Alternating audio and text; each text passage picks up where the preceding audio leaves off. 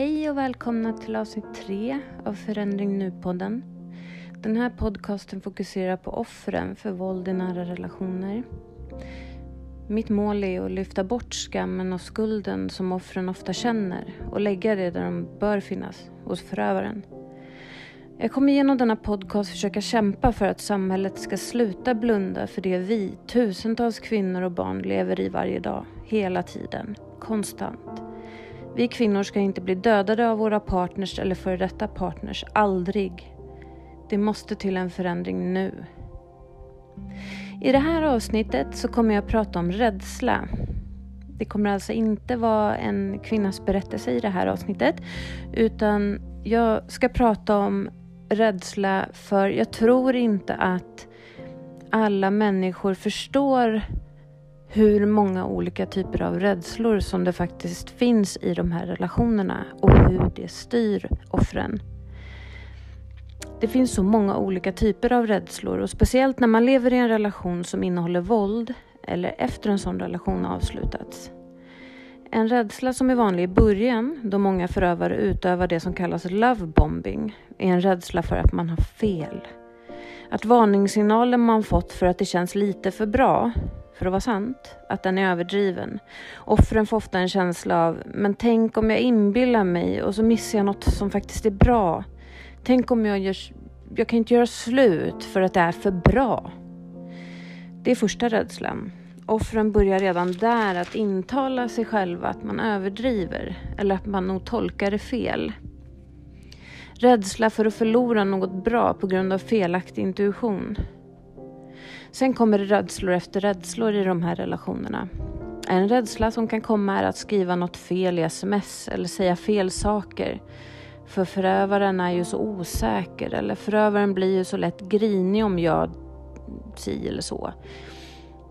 Denna rädsla nämns inte så ofta, men det blir en stor del av offrets liv under den tiden hon har en relation med förövaren. Det blir rädslor för att inte svara direkt då ett sms kommer eller att inte låta irriterad i samtal om man är stressad eller liknande för då blir förövaren arg direkt och så vidare. Otroligt mycket som smyger sig på. Rädslor som finns där konstant, som ligger som, som små varningssignaler som gör att offret hela tiden ska vara på sin vakt för att inte göra förövaren arg Nästa rädsla som också kommer ta upp mycket av offrens, offrets energi och tid är rädslan för att göra förövaren arg eller ledsen genom till exempel att offret snäser av eller inte lyssnar tillräckligt då förövaren pratar eller säger något negativt så förövaren blir arg.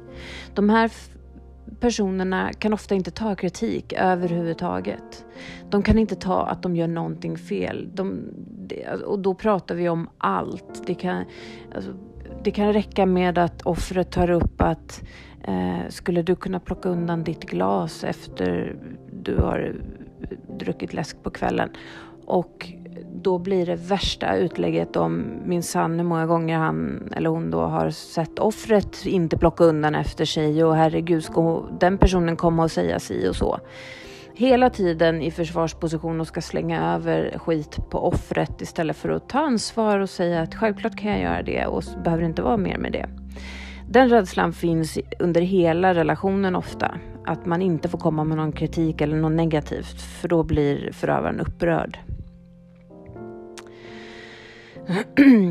Den här rädslan gör ju att nästan all energi som offret har går åt till att läsa av förövaren eller rätta in sig efter dens humör. Och ofta är de här personerna väldigt oberäkneliga så att det är nästan omöjligt att eh, märka av humöret förrän det är för sent, förrän det smäller. Ofta har förövaren inte visat sin mörka sida helt än, men offret är redan väldigt rädd. Rädd för att göra förövaren upprörd, rädd för att inte visa tillräckligt med omtanke, rädd för att skriva eller säga fel saker och så vidare. Offret kan ofta intala sig att det kommer bli bättre med tiden, då förövaren är mer säker i deras relation eller så. Att svartsjukan kommer lägga sig, att, att eh, det kommer bli lugnare. Hopp om att det ska bli lugnare. Om det, nu, det, det, kan också nu ha kommit till att förövaren kontrollerar sin partner via till exempel GPS-position i telefonen eh, läskvittens på sms för att ha koll på exakt när hon eller han läser smset. Och då blir det en rädsla för offret, för offret ofta frågor. Vad gjorde du där i 20 minuter? Jag såg att du var där. Offret kan inte ifrågasätta kontrollen via GPS för då kontrar förövaren i princip alla fall med att jag har inget att dölja, har du? Varför kan du inte ha GPS-positionering? Du har väl inget att dölja? Men den här kontrollen är inte bara att de har GPS-kontrollen utan det är alla frågor hela tiden. Så utan att offret mentalt tänker på att, att, att offret hamnar i det så kommer det varje dag spenderas enormt mycket energi för offret till att behöva tänka ut svar som kan behöva lämnas till förövaren på olika frågor. Om det är varför tog det så lång tid för dig att åka hem? Jag såg att du stannade vid den där affären. Varför var du inne så länge? Eller liknande. Eller vilka var du åt lunch med? Alltså, det blir frågor som normalt sett inte skulle komma i en relation. Man kan fråga självklart om var du ute och åt lunch med några eller sådär men, men det är inte den typen av frågor som vi pratar om här utan det här är kontrollfrågor. Eh, Offret känner ofta att de måste förklara och redogöra för alla platser och tidpunkter som offret är på och varför hon inte svarar i telefonen just då om hon satt i ett möte på jobbet till exempel. Och väljer ofta därför att undvika platser eller personer som kan göra partnern upprörd eller arg för att just slippa att göra fel och att få de här konflikterna. Och då har, har redan förövaren lyckats med det som den vill uppnå, att ha kontroll och att isolera offret. Och det här kan ske ganska tidigt i relationen utan att, att man tänker på det. Det är det som är normaliseringsprocessen. Att det, det smyger sig in och så helt plötsligt så är man där. Att man, nej men jag skippar nog en fika för att eh, jag måste förklara eller berätta om allting som sades under fikat. Eller jag måste förklara varför jag just gick och fikade med den personen. Förövaren manipulerar och kontrollerar offret så mycket vid det här laget att offret kan känna sig fast i relationen trots att det kan bara gått ett par veckor. Detta beteende är ju inte sunt eller kärleksfullt utan det är ju manipulering och kontrollerande och till en stor del psykisk misshandel. Under relationens gång så dyker fler rädslor upp. Det kan vara att bli rädd för att åka bil med förövaren, partnern, för att den äh, kör vårdslöst om, eh, om förövaren blir arg och det skrämmer offret. Och det räcker med att offret säger en gång att de vill att det ska sakta ner, att det blir rädd, så har förövaren det i, i bakhuvudet. Så varenda gång den blir upprörd när de kör bil så kommer förövaren att börja köra vårdslöst för att skrämma offret till att rätta in sig i ledet och, och göra som, offret, eller som förövaren vill. Ehm, det är otroligt eh, obehagligt att sitta bredvid och inte kunna ta sig ur bilen. Att, att personen kör vårdslöst och snabbt och eh, man själv sitter där och kan inte göra någonting. Eh, otroligt obehaglig rädsla. Eh, förövaren kan till exempel börja ta fram vapen knivar eller liknande för att skrämma sin partner. Förövaren behöver inte ens hålla en kniv mot offrets hals för att det ska kännas hotfullt för offret, utan det kan räcka med att förövaren sätter sig bredvid offret eller vid samma bord och, och visar att knivarna finns. Det är en tydlig markering, ett tyst maktspel där offret tydligt får veta sin plats och eh, vad som kan hända om, om eh, offret inte eh, gör det som partnern då förövaren vill. Det kan även finnas rädsla kopplad till sex. Det är något som förövaren gärna tar till för att styra sin partner. Det kan innebära antingen att förövaren hotar att lämna partnern om den inte går med på sex när partnern vill det. Det kan innebära regelrätta våldtäkter. Eller så kan det vara kontinuerliga översteg, övergrepp då, där förövaren tar på, smeker eller börjar sex med offret då hon sover eller vid andra tillfällen när hon inte har medgivit sex. Eh, där det inte alls är naturligt att det kommer. Eh, förövaren vill hitta så många maktmedel som möjligt för att behålla rädslan hos offret. För det är så eh, förövaren styr offret. Och när offret har bestämt sig för att lämna förövaren så tror ju otroligt många att ja, men det räcker att gå. Det räcker att bryta kontakten så är allting klart.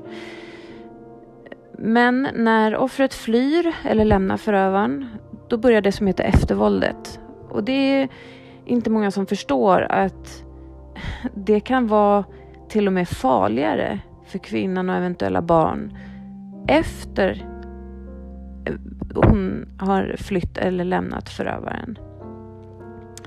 Det, det, det kan trigga förövaren till att begå värre fysisk misshandel eller i värsta fall mord. Förövaren måste känna att han, har kontroll, att han har kontroll och då offret lämnar honom så tappar förövaren makt. Och då kommer förövaren försöka ta tillbaka det. Via till exempel att leta upp offrets bostad, förfölja offret, dyka upp på offrets arbetsplats, försöka ta sig in i offrets bostad, förstöra offrets egendom, hota om att sprida rykten eller foton som är privata. Förövaren kan ofta växla det här våldsamma och elaka beteendet med att skicka kärleks-sms, presenter, kärleksbrev med mera. Vilket för offret antingen känns otroligt konstigt och fel eller så lyckas förövaren och får offret att vackla i beslutet att det ska vara slut. Eller i värsta fall så går offret tillbaka till förövaren och tänker att eh, jag ger honom en chans till. Så jag hoppas att mm, jag har gett en lite övergripande bild över hur otroligt många rädslor som de här kvinnorna, offren, upplever under en relation med de här förö förövarna. Det är inte bara svart eller vitt, en rädsla för att bli slagen eller liknande, utan det är så otroligt många områden som, som jag inte ens har nämnt också, som förövaren styr offret på. Eh, finns det barn med i bilden så kan det vara hot om att skada dem. Hot om att eh, hon ska förlora vårdnaden eller hon ska förlora dem eller liknande. Allt som förövaren märker påverkar offret så att offret blir rädd används som maktmedel. Och för att styra offret. Allt.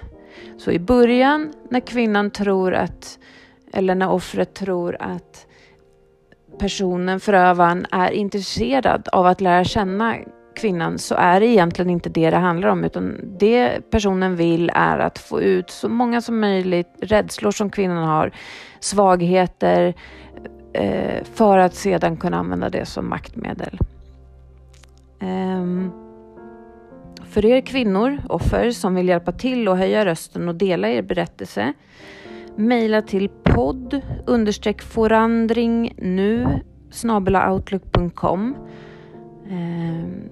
jag vill höja rösterna och jag vill att samhället ska sluta blunda för hur kvinnor, offer, barn lever varje dag i samhället med de här förövarna. Antingen i relation eller i eftervåldet av, av relationen.